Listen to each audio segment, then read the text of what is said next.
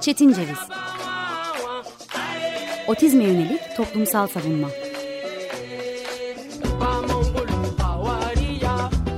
Hazırlayan ve sunan Deniz Yazgan. Merhaba, 95.0 Açık Radyo'ya uzaklardan bağlanmaya devam ediyoruz. Ben Deniz Yazgan Şenay, bugün 7 Eylül 2022, Çarşamba, kainatın tüm nöro çeşitlerine açık ve erişilebilir Çetin Ceviz dinliyorsunuz. Güncel yaşamda otistiğin yerini tartışmaya devam edeceğiz bu hafta ve bu hafta merceğimizde adli yıl başlangıcı var. Adliyenin otistiğe yönelik misafirperverliğinden önce ki bu misafirperverlik kavramına da belki geri döneriz. Adli yılın ne olduğundan başlamak lazım. Aslında insanlar arası çekişmenin asli unsuru olan yani hukuk muhakemelerinden gelen, hukuk muhakemeleri tarafından düzenlenen bir kavram adli yıl. Hukuk Muhakemeleri Kanunu'nun 102. maddesi ilk önce adli tatili tanımlıyor adli yıldan önce. Adli tatil her yıl 20 Temmuz'da başlar, 31 Ağustos'ta sona erer diyor ve hemen ikinci cümlesiyle yeni adli yıl 1 Eylül'de başlıyor diyor. Daha doğrusu başlar diyor. Adli yılın ardından geçen 6 günü değerlendirdiğimizde bu adli yıl meselesinin nereden gelip nereye gittiğini tartışmak, adli yılın ne olduğunu, nasıl değerlendirildiğini bakmak gerekiyor. Marmara Üniversitesi Hukuk Fakültesi öğretim üyesi Profesör Doktor Osman Can, bundan 8 sene önce 2014 yılında Liberal Düşünce isimli dergiye 11 sayfalık Adli Yıl Açılış Konuşmaları isimli bir makale yazmış örneğin. Bu makaleye göre Sayın Hocamız diyor ki adli yıl açılış törenleri 1943 ile başladı. Ve biz neden bu tarihte başlatıldığını bilmiyoruz. Yalnızca Yargıtay'ın resmi web sitesi yargıtay.gov.tr'de Adli Yıl Açılış Konuşmaları adlı başlıkta 1943-44 adli yıl açılışından bu seneye kadar bütün konuşmaların var olduğunu görüyoruz. Bir ara parantez açmamız gerekirse 2015'teki daha doğrusu 1943 ile 2015 arası konuşmaların tarandığını yani engelli ve özellikle görme engelli kişiler tarafından alternatif destekleyici iletişim sistemleri veya voice-over teknolojisiyle okunamadığını, görebilen bir insan tarafından okunursa engelli erişimine açık olduğunu söylemek gerekiyor. Çünkü kısa yoldan ve biraz da kolaycılıkla engelli kavramının nerede ve ne zaman hangi Yargıtay Başkanı tarafından kullanıldığını, engelliye konu edinildiğine baktığımda yalnızca 2018'de küçük bir kontrol F araştırması yaparak bulabildim. Ondan önceki bütün konuşmaları okumaksa yani yaklaşık 80 yıllık konuşmanın 80 yıla e, yayılmış bu adli yıl açılış konuşmalarının 2015'ten 1943'e kadar olan serisini okumaksa tabii ki kolay bir iş olmayacaktı. Ve o yüzden biraz daha farklı bir bilimsel merak dönemime ertelemek durumunda kaldım. Oysa yalnızca görme engelli ve kör kişilerin ulaşması için değil, kolay araştırma yapmak için de erişilebilir kaynağa ihtiyacımız var. Bu yüzden belki yargıtay.gov.tr'yi ve değerli yargıtayı e, belki de duyarlarsa ve doğru başvuruyu yaparsak bu konuşmaları ve sitenin tamamını erişilebilir yapmaya davet etmek ara başlık için önemli olabilir. Biz bundan önce bu baş, e, ara parantezden önce adli yıl açılış konuşmalarından söz ediyorduk. Değerli hocamızın Osman Can e, ikinci paragrafında ilk adli yıl konuşmasında geçen bir paragrafı yer veriyor. Halil İbrahim Özyörük, Yargıtay Başkanı olarak ilk adli yıl açılış konuşmasına müsaade buyurunuzla sözlerime başlarken buradan Cumhuriyet hükümetimizin beni Sayın Temiz Heyeti'nin en yüksek mevkine getirmekteki lütufkar teveccühünden ötürü duyduğum bahtiyarlığı ve şükran da arz edeyim şeklinde bugün gerçekten hocanın dediği gibi yadırgayacağımız türden bir övgü cümlesiyle başlıyor. Hocamızın bu noktadaki çıkarışı yar, dönemin yargısının ideolojisinin bunu gerektirmesi. Ee, ama buna ilişkin gerçek ve kesin bir yargıda bulunmak güç. Sayın hocamız değişenin ne olduğunu, yargıda değişenin nasıl e, rüzgarlarla yargıdaki açılış daha doğrusu adli yıl açılış konuşmalarına yansıdığını makalesi boyunca anlatıyor. Burada 1950 yani Demokrat Parti iktidarının 1952 yıl 52 yıl açılışındaki konuşmaların değişimine göre e, aynı zamanda başkanların kimliğine göre değişimine e, değişimini de yansıtan bir yazı veriyor. Bu yazı aslında bugünün konuşması için bence şu açıdan çok önemli. Yargıdaki adli yılın açılış törenine ilişkin konuşmalar ki bu konuşmaların kimi zaman 16 sayfa, kimi zaman 33 sayfaya kadar çıktığını söylemek gerekir. Bu konuşmaların adli yıla ilişkin nelere barındıracağına kadar Yargıtay başkanlarının kimliğine de ilişkin olduğunu söylemek gerekiyor. Yani konumuz için önemli olan engelliye bakış açısı da aslında kadına bakış açısı da daha doğrusu toplumsal cinsiyete bakış açısı da dönemden döneme ve artık çağdaş Türkiye'de yani en azından 2022 yılında bir Yargıtay Başkanı'nın kimliğini ortaya çıkarabilir diyebiliyoruz. Bence burada önemli olan noktalardan bir tanesi en azından 2022 ile 2015 arası yılları incelediğimizde konuşmalarda engelli kavramına ne zaman yer verildiğine bakmak. Bu aralıkta yani en azından son 10 yıl diye yuvarlayabileceğimiz yargı yılı açılış konuşmalarında 2020 yılında daha doğrusu 2019-2020 yılındaki konuşmada en son yer verildiğini görüyoruz. Ki bu da pandeminin yaşamımıza nasıl girdiğini ve pandemiyle beraber gemide ilk atılanların diyeceğim özür dileyerek daha doğrusu terk edilenlerin engelliler olduğunu ve dezavantajlı gruplar olduğunu da görmemize sebep oluyor. O dönemin başkanı Sayın Cirit 15. sayfasında yani son bir son sayfasında son bir son iki sayfada E dezavantajlı kırılgan grupların istismar ve kadına karşı şiddet başlığı altında engellere yer veriyor ve diyor ki ülkemizde çocukların korunmasına, engellerin yaşamlarının normalleştirilmesine ve kadına karşı şiddetin önlenmesine yönelik güçlü devlet politikalarının geliştirilmesi ciddi bir ihtiyaçtır. Eğitim ve sosyal politikalar başta olmak üzere toplumsal yaşamın her alanında bu dezavantajlı gruplara yönelik bir hassasiyet geliştirmelidir. Sayın Başkan'ın, dönemin başkanının problematik bir kavram olduğunu ve fakat siyaset felsefesi için oldukça önem arz eden bir kavram olan dezavantajlı kırılgan grup kavramı içerisinde engelliye bir alt başlık açtığını ve ardından herhangi bir şekilde engelliye ilişkin bir anlatım yaptığını görmüyoruz. Çünkü hemen altında yeni Yargıtay binasını anlatırken de bu bağlamda erişilebilirliğe ilişkin bir anlatımdan ziyade en iyi sürdürülebilir yapı ofis kategorisinde birinci olduğundan söz ediyor ve dördüncü Uluslararası Sürdürülebilir Yapılar Sempozyumunda da ödül aldığından söz ediyor. Yani ayrıca bir alt başlık olarak daha doğrusu en önemlisi e, olan erişilebilirlikten, kapsayıcılıktan söz ettiğini göremiyoruz. Bu bizim için iki şeyi bence gösteriyor. Daha doğrusu endike ediyor. Pandemiyle beraber hayatımızdan engelli kavramı, engelli araştırmaları tamamen çıktı. Engelliye ailesi baksın, alt bilinci daha da üste çıktı ve aynı zamanda erişilebilirlik çok da bizim derdimiz değil. Erişilebilirliğin bizim derdimiz olmadığını İstanbul Merkez Adliyesi olarak geçen Çağlayan Adliyesi'nin korkunç atriyumundan da görebiliyoruz.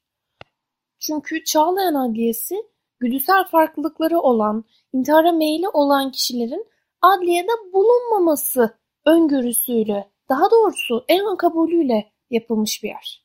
Oldukça korkunç, yalnızca mental farklılıkları olan, güdüsel farklılıkları olan insanlar için değil, çocuklar için bile düşme tehlikesi barındıran veya tehlike algısı tipik biçimde gelişmemiş çocukların bir yetişkin süpervizyonunda bulunmadan gezemeyeceği, ailelerini bekleyemeyeceği bir alan Çağlayan Adliyesi.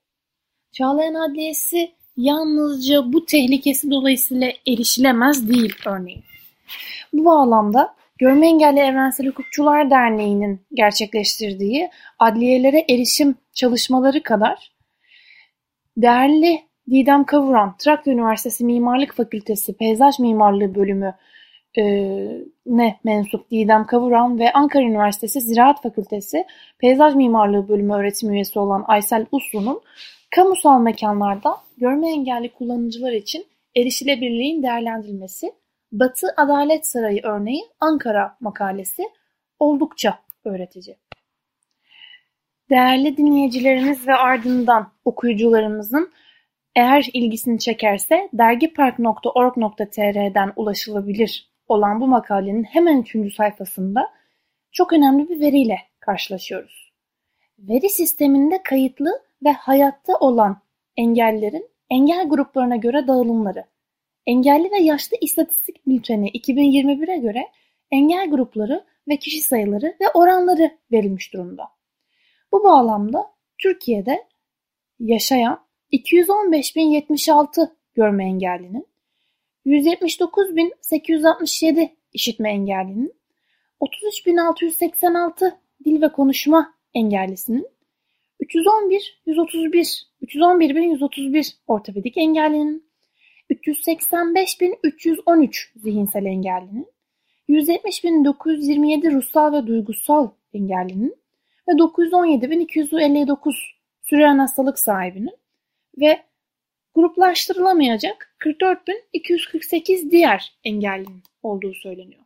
Bununla birlikte ulusal engelli veri sisteminde yer alan engelli birey sayısının 2.511.950 olduğunu ve bu araştırmanın en azından zihinsel engeller açısından konuşmak gerekirse iki yıl üst üste mucizevi bir şekilde %17.07 oranında engelli, zihinsel engelli tanımında bulunduğunu söylemek gerekiyor.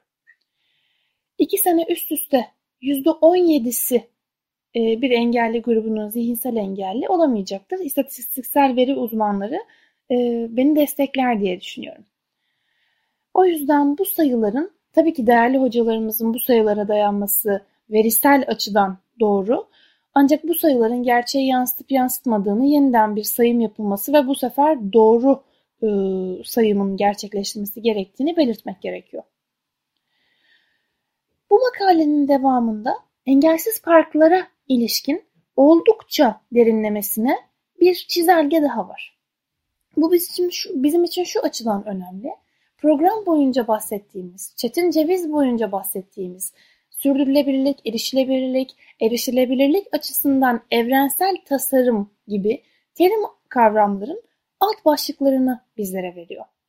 Bunu biraz uzunca ama yine de kısaca saymak gerekirse eşitlik, kullanımda esneklik, yalınlık, sadelik, anlaşılabilir bilgi, hatalara, hatalara tolerans, en az fiziksel efor gereksinimi, mekan, alana erişim durumu, ölçünün standartlara uygunluk durumu, yapısal tasarım, bitkisel tasarım, genişlik, eğim, malzeme cinsi, rampalar açısından genişlik, eğim, merdivenler açısından malzeme cinsi, genişlik, otopark açısından malzeme cinsi, genişlik, yükseklik, malzeme cinsi tekrar e, bu bağlamda genel tasarım açısından bizim evrensel tasarım ilkelerimizin alt başlıklarını oluşturuyor.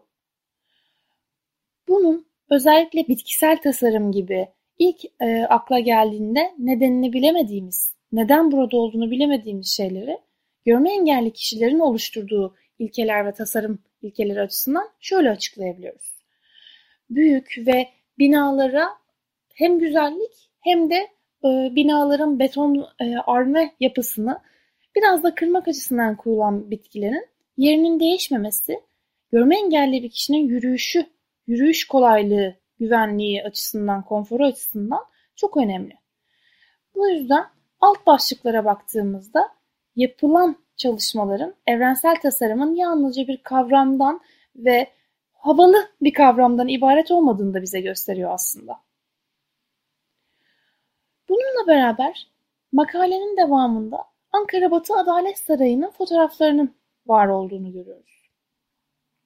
Ankara Batı Adalet Sarayı'nın değerlendirilmesinin en önemli sebeplerinden bir tanesi erişilebilirlik açısından bir pilot adliye sarayı olma vasfının bulunması makalemize göre ve yaptığımız e, e, araştırmalara göre.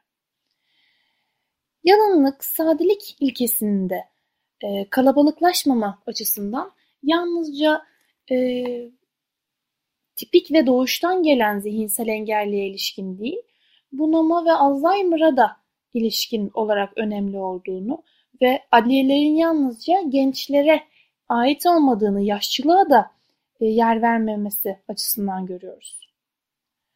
Bununla beraber, yapılanlarla beraber yapılmamışlara da dikkat çekmek, Görme Engelli Evrensel Hukukçular Derneği'nin bu konuda hazırladığı derinlemesine rapordan da karşımıza çıkıyor. Gerçi sayın hocalarımız da makalelerinde Türkiye Peyzaj Araştırmaları Derneği'nde e, e, pardon özür dilerim dergisindeki yazılarında sonuç ve öneriler kısmında eleştirilerde bulunuyorlar. Ve fakat görme engelli kişiler tarafından, görme engelli ve kör kişiler tarafından yapılan raporun ayrıca bir değeri olduğunu düşünüyorum. Çünkü biliyoruz ki yaygınlıkla, çoğunlukla, ezici bir çoğunlukla adliyeleri tasarlayan kişiler arasında engeller yerine düşünen kişiler bulunuyor. Engelli kişileri hala yayın ve yapım aşamasında düşünmek zor. Hatta birçok kişi için sansasyonel. Bu yüzden engelli kişiler tarafından oluşturulmuş raporların ayrıca bir öneme sahip olduğunu belirtmek gerekiyor. Özellikle İstanbul adliyeleri açısından, İstanbul'da yaşadığımızdan dolayı İstanbul adliyeleri açısından yaptığımız çalışmalarda çoğunlukla engelli meslektaşların yalnızca A noktasından B noktasına varabilmeleri yönünde çalışmaların olduğunu görüyoruz. Ancak bu çalışmaların da her şekilde ve tamamen olduğunu söylemek de mümkün değil.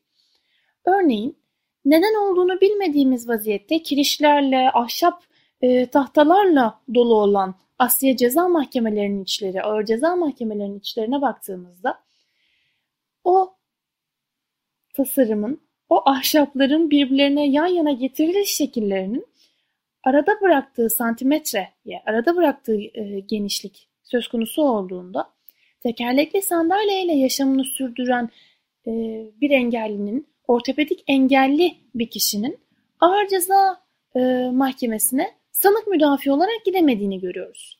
Çünkü o aralıktan geçemiyor. Bunun belirttiklerinde ise biz sizi arkadan alalım, kalemden geçirelim, oradaki kapı geniş gibi yanıtlarla karşı karşıya kalıyoruz.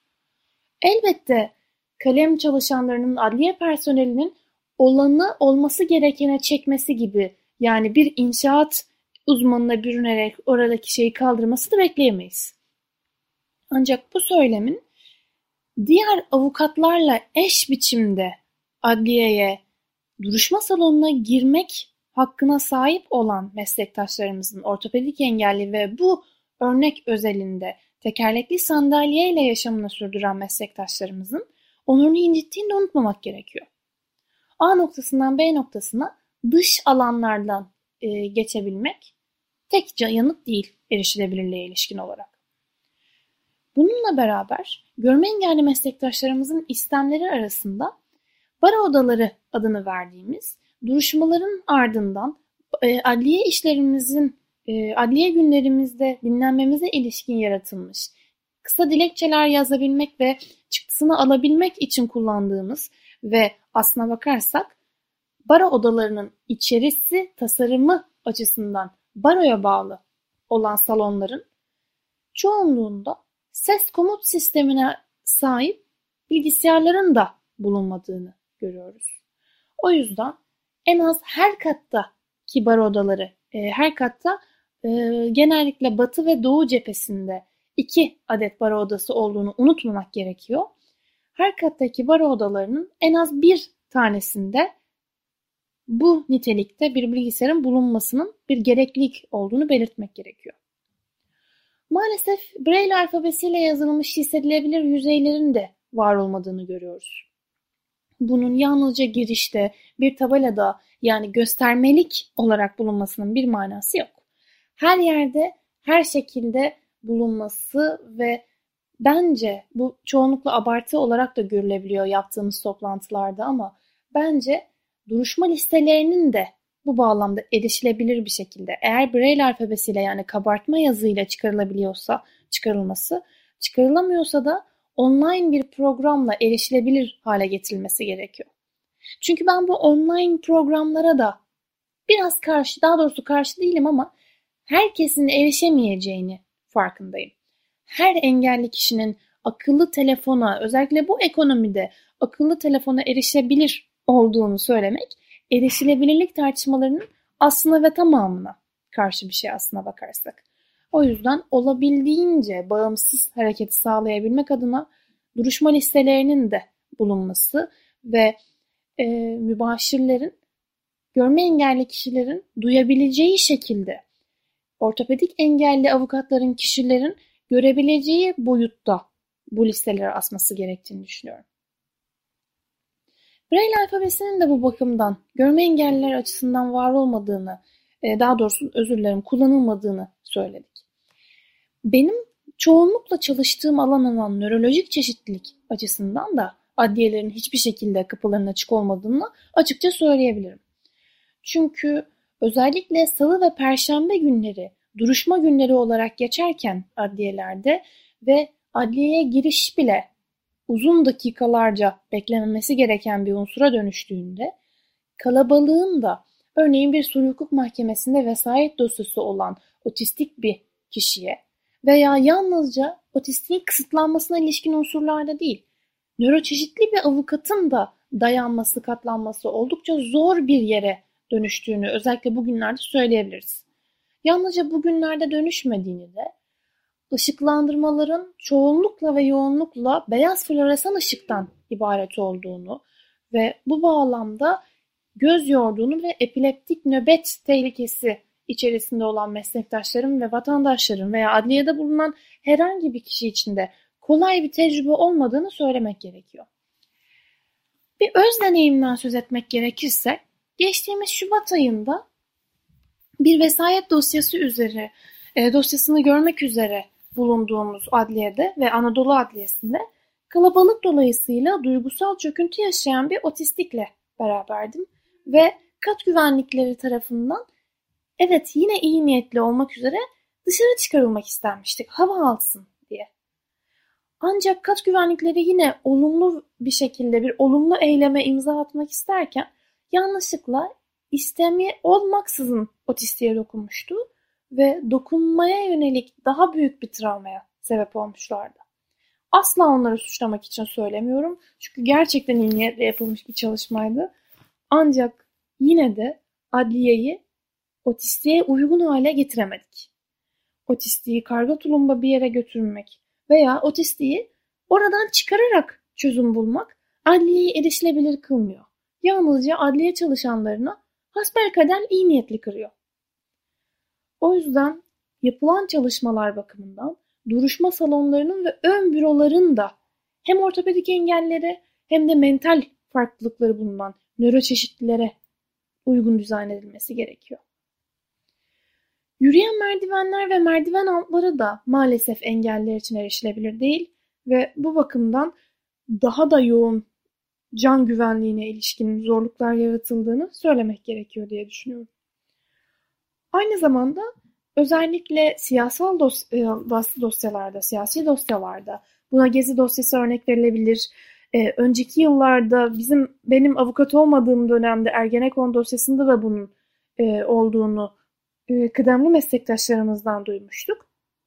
Ses sistemleri SEGBİS'e yani kayıt yapmaya yönelik olduğunda burada birden fazla sanık ve birden fazla müdafi, birden fazla katılanın bulunduğu çoklu taraflı dosyalarda duruşma zaptının tutulabilmesi açısından yapılan kayda yönelik olduğunda işitme engelli meslektaşlarımız katılan kişiler, yani burada katılan kelimesini tabii ki terim olarak kullanmıyorum.